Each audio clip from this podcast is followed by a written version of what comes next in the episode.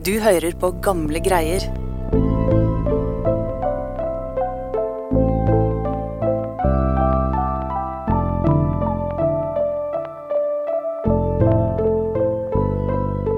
Han hadde en drøm om å seile ut mot de store havene og bli sjømann. Men gutten fra Sørlandet skulle aldri seile til havs. I stedet endte han opp med å bli en mestertyv. Mytene levde i beste velgående mens han vandret rundt i Sør-Norge. Han fikk angivelig alt han ville ha, enten om det var penger, gull, mat eller kvinner. Men sannheten var noe helt annet. Historien om mestertyven Ole Høiland er en historie om fattigdom, sult og frykt. Så dette er egentlig ikke noe romantisk historie. Og det er i hvert fall ikke noe kostymedrama av en TV-serie hvor uh, tyven alltid lykkes. Det er en historie om å hele tida være redd. Hele tida se seg over skulderen etter fiender. Hele tida være redd for at noen skal angi deg. Ikke kunne stole på noen i det hele tatt.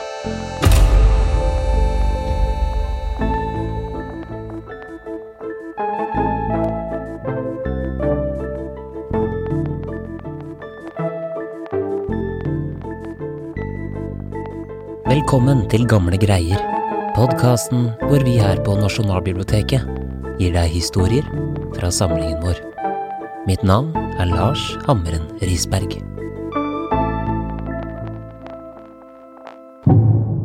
Ole Høiland er en av disse legendariske skikkelsene som aldri blir helt borte. Det er en eh, historie om eh, fattigdom og nødsår, eh, og en ung gutt som sliter, og som bygger seg opp til å bli en av landets mest kjente mennesker. Chris Nyborg, lokalhistoriker, her på Nasjonalbiblioteket. Og i dag er han fortsatt kjent, det snakkes om ham, skrives om ham, nesten 200 år etter hans død. Så hva er det som gjør da, Chris, at man fortsatt skriver da om Ole Høiland den dag i dag, og hvordan har han klart å fått denne Robin Hood-statusen? Ja, skal vi finne svaret på det, så må vi spole tida tilbake noen tiår. Uh, vi må faktisk helt tilbake til 1797.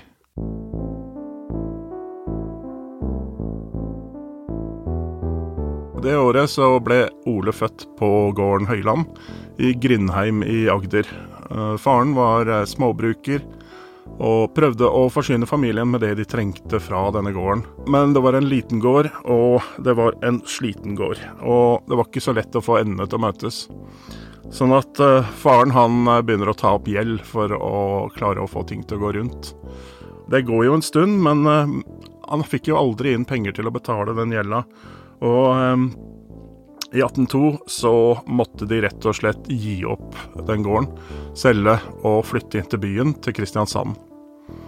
Og der ble det dessverre fattigforsorg. Um, og det var ikke noe god situasjon. Allerede som elleveåring så må Ole ut i jobb. Det finnes ikke noen annen mulighet. Da blir han uh, gårdsgutt og gjeter. I en tid hvor det snakkes om mye rovdyr i skogene, så denne elleve år gamle gutten ble altså sendt ut i skogen for å jage vekk uh, rovdyr. Uh, for å beskytte husdyra.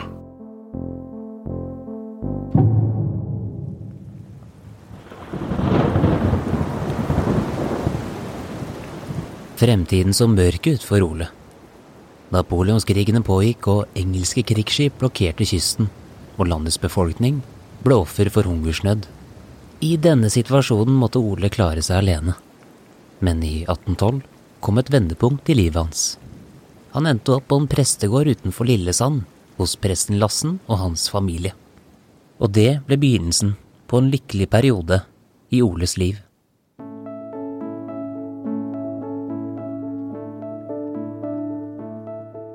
Ole var nå 15 år. I tillegg til å være tjenestegutt skulle han nå få konfirmasjon og skolegang. Konfirmasjonen gikk greit, men eh, skoleundervisningen var eh, verre. Og selv om læreren pisket gutten i god tro om at det skulle motivere, ga det motsatt effekt.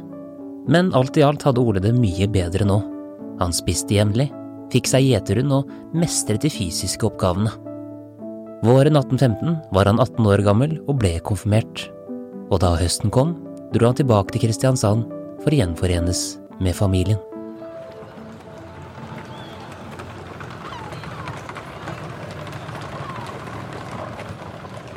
Og der viser det seg at familien ikke har det noe bedre, for faren har blitt arbeidsufør. Og mor og søsken gjør så godt de kan, men eh, det er forferdelig vanskelig. Ole må rett ut i jobb igjen for å kunne bidra her.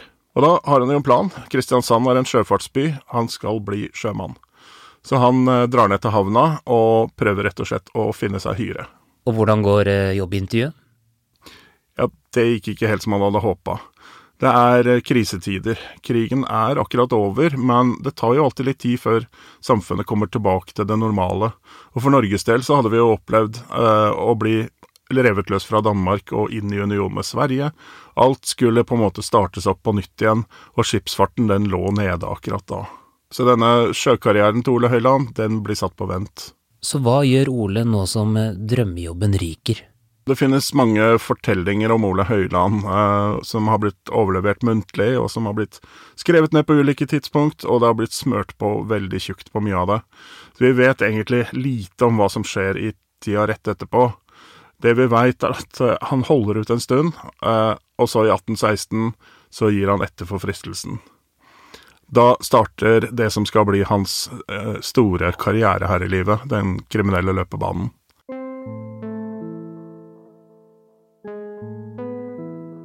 Han eh, begynner i 1816 med et leilighetstyveri, rett og slett. Han får anledning til å skaffe seg raske penger. Det er en eh, bonde som kommer inn til byen, Kristen Evenli, og på denne tida så snakker man ofte om bondefangeri. Eh, så bøndene som kommer inn med tjukke lommebøker etter å ha solgt varene sine, går og tar seg en dram eller fem, og som så blir et lett bytte. For selv for en som ikke er erfaren som tjuv. Dette er jo, så langt vi vet, første gangen Ole stjeler. Men å stjele lommeboka til en full mann, det er på en måte inngangsgreia her. Det enkleste du kan gjøre. Ole stjeler mange lommebøker, sølvspenner, gullringer og andre verdisaker fra bønder som er innom byen for å selge varer. Det blir en ganske så fin gevinst for en som nylig har vært tjenestegutt. Samtidig er Ole nøktern når det kommer til å bruke disse verdiene ellers vil han jo bli avslørt. Men på høsten, året 1816, går det gærent. Det som skjer, er at noen finner et av gjemmestedene til Ole. Og eh, Ole blir konfrontert med det her. De klarer å spore noen av gjenstandene, smykker og sånt noe. Uh, han skjønner at han sitter i saksa, og så gjør han det smarte valget han tilstår med en gang. Og ikke bare gjør han det, han hjelper hjelper faktisk eh, politiet med å oppklare mer. Han forteller at han har begått enda flere tyverier, og han leverer tilbake enda mer tyvegods. Men det at Ole Høiland legger alle kortene på bordet og hjelper etterforskerne såpass mye som han gjør, er det egentlig bare taktikk for å få en mildere straff? Eh, han er jo en ung gutt, og dette er jo første gang han er i trøbbel med loven. Ja, det må det være, og forsvarsadvokaten hans skal ha sagt at uh, fem måneder i tukthus var det han måtte regne med. Uh, og det kunne han nok klare å gå gjennom. Men så går det ikke sånn. Han møter en forferdelig streng dommer, som rett og slett tar og finner fram hva er den strengeste straffen jeg kan gi her. Jo, det er to år, og det får Ole. To år på tukthuset i Kristiansand skal han gjennom nå.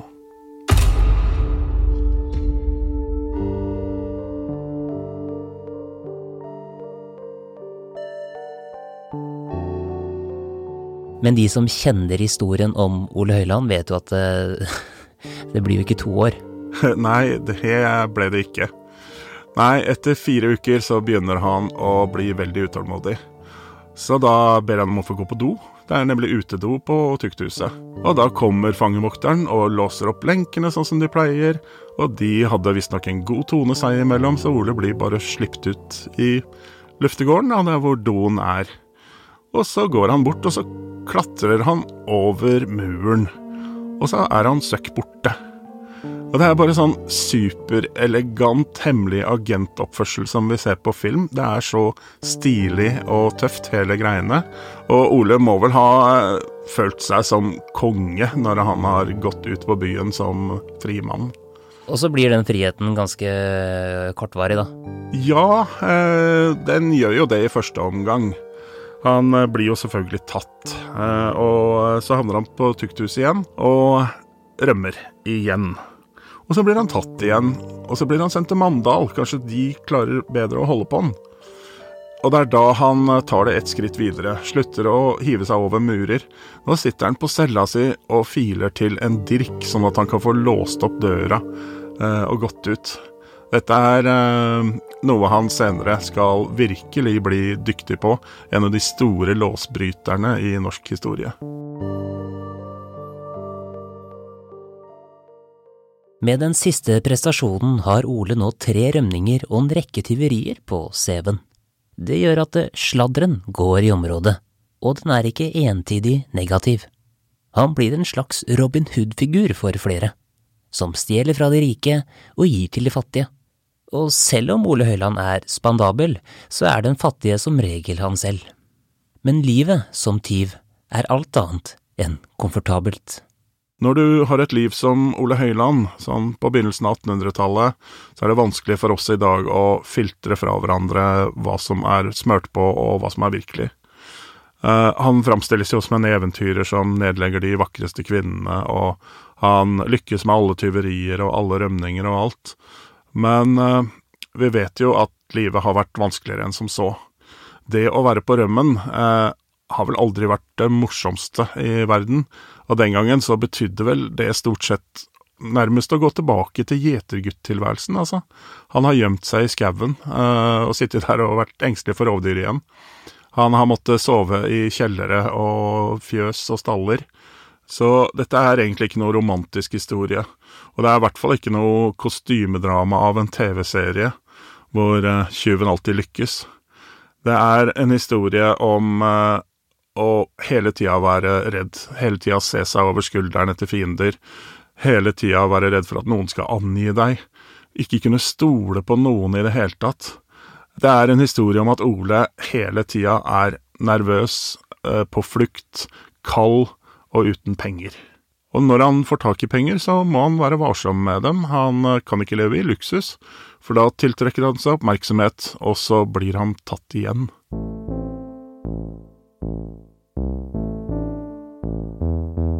Ole er dyktig når det kommer til planlegging av tyveriene. Denne arbeidsdisiplinen skal han få bruk for når han bestemmer seg for å gjøre det frekkeste ranet i norgeshistorien. Han skal rett og slett rane Norges Bank. Men det er ingen enkel oppgave. I flere måneder forbereder han seg. Han bruker forskjellige mennesker i nettverket sitt, bestikker angivelig en ansatt i Norges Bank, observerer hvordan livet i gatene er, og når det lønner seg å slå til. Natt til første juledag 1834 setter Ole Høiland planen ut i livet.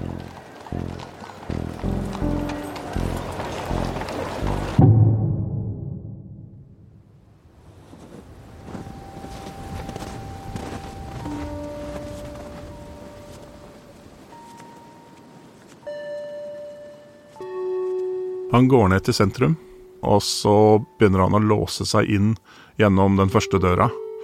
Og gjennom den andre døra, og den tredje døra. Og han kommer seg ned i kjelleren og står ved hvelvdøra, og så får han ikke opp den. For så godt eh, forberedt var han ikke, at han eh, visste akkurat hvordan Dirken skulle være der. Og hva gjør han da?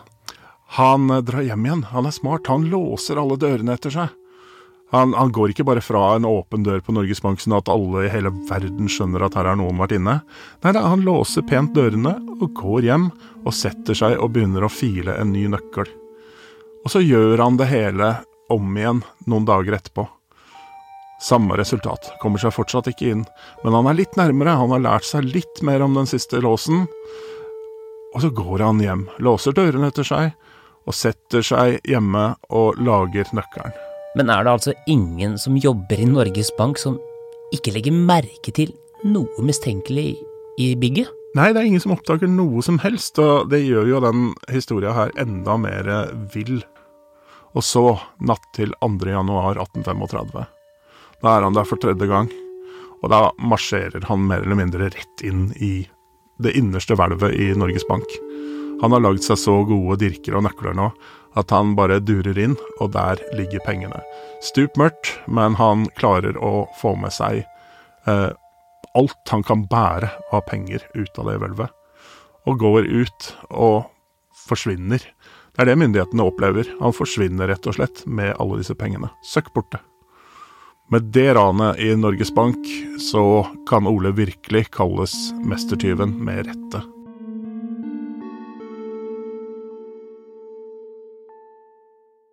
Da Ole Høiland forlot Norges Bank, hadde han med seg 64 000 spesidaler.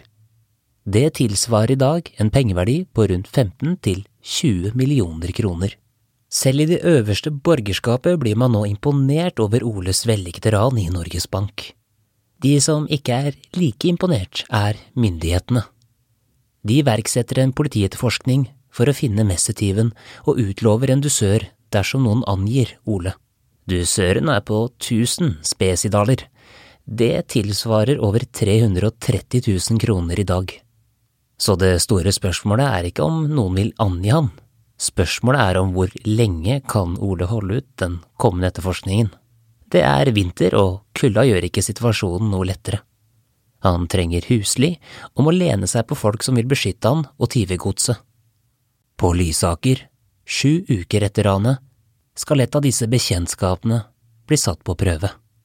Der har han møtt ei som het eh, Barbro Aslesdatter, og hun krever en uhyrlig sum for at han skal få overnatte hos henne. Han betaler 2000 spesidaler, flere hundre tusen kroner i dagens valuta.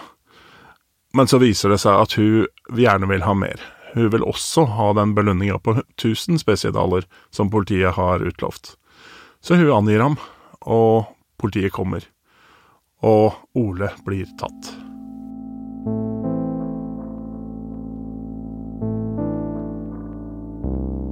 Ole blir nå pågrepet, og den pågripelsen den er overraskende brutal. For Ole er ikke kjent som noen voldelig mann, og heller ikke nå så gjør han motstand. Men en av politifolka han trekker rett og slett sabelen sin og gir Ole et hogg i hånda. Så blir han bandasjert og frakta tilbake til slaveriet på Akershus festning, og satt bak tjukke murer igjen. Så hvilke konkrete sikkerhetstiltak er det nå Akershus festning gjør for at uh mestertyven ikke skal stikke av for eh, femte, sjette, sjuende gang, eller hva det ennå var. Nei, det er vel ingen av oss som helt klarer å holde tellinga på det der. Men uh, de er nå sikre på at han kommer til å prøve igjen, så de legger på ham de tunge lenkene. Og med tunge lenker så mener man uh, jern som blir klinka fast uh, rundt anklene. Og til det så er det festa tunge vekter. Minimum 20 kilo, kanskje opp i 30. Tenk deg å ta en sånn eh, manualer eller kettlebell eller noe sånt noe på 30 kilo, og så binde fast den til foten din og prøve å gå rundt med det. Det er det han måtte leve med. Men Ole har fått navnet mestertyv av en grunn. Han klarer rett og slett å rømme igjen.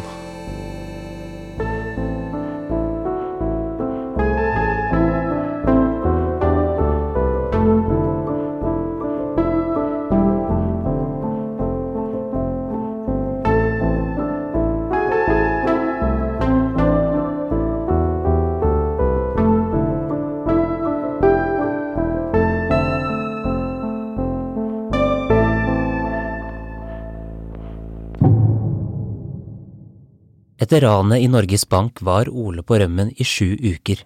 Nå skal han være på frifot i tre år. Men disse tre årene er ikke noe luksusliv. Han sulter og fryser i Nordmarka og Lillomarka. En kan si at han på mange måter var tilbake til barndomsårene på Sørlandet, da han som ung gutt gikk ut i skogen der rovdyrene lusket rundt.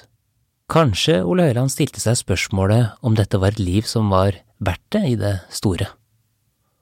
De som Ole trodde var hans venner, var mer interessert i pengene hans, og dolket han gjerne i ryggen dersom dusøren fra staten var god. Og det er akkurat dette som skjer igjen. Noen røper han for politiet. Og Ole ender opp igjen på Akershus festning. Og nå tar de ingen sjanser. Han blir satt på enecelle i et trebur i Kronprinsens kruttårn. Ole Høiland er 45 år, syk og bitter. Han søker om benådning både i 1846 og 1847, men søknadene blir avslått. Nå som han får søknaden avvist, så kjenner han vel rett og slett at livsgnisten blir litt borte. Den 20. desember 1848 så barrikaderer han døra. Vokterne de kommer tilbake, og man kan jo tenke seg panikken. Der kommer du, og så kjenner du at døra til Ole Høiland er barrikadert. Hva i all verden er det han holder på med der inne nå? De kommer seg inn og ser at Ole har ikke rømt. Han har rett og slett valgt å ende sitt eget liv på cella.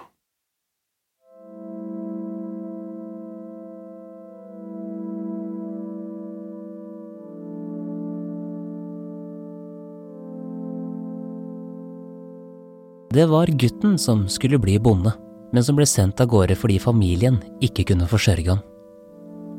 Han drømte om å bli sjømann, men endte opp som lommetyv. Og da han døde, var han blitt mestertyv. Og selv om Oles liv endte her, skulle myten om mestertyven leve videre til vår egen tid. Han eh, er en av de som aldri virkelig blir borte. Han eh, ble omtalt eh, rett etter at han var død, gjennom mange viser, og de levde videre og ble sunget i lang tid. Det ble gitt ut bøker, og det blir fortsatt gitt ut bøker. Det er ikke lenge siden den siste kom, og det kommer sikkert flere, det kan jeg vedde på. Eh, så Ole Høilands historie, det er en av disse evige Robin Hood-lignende historiene som vi elsker å høre, om eh, underdog uh, som kjemper seg opp her i livet og blir innmari, innmari flink til noe. Selv om sannheten er at dette er historia om et liv få hadde misunt ham, egentlig, og få av oss hadde rett og slett holdt ut å leve på den måten.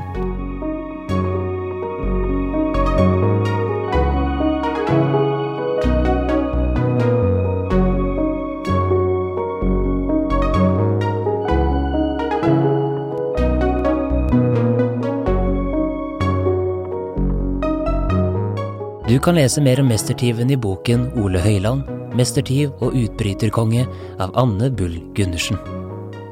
Musikken du hørte i denne episoden, og som du hører akkurat nå, er skrevet og produsert av Therese Aune. Du finner mer av hennes musikk på thereseaune.com, eller der du strømmer musikk til vanlig. Mitt navn er Lars Hammeren Risberg. På gjenhør.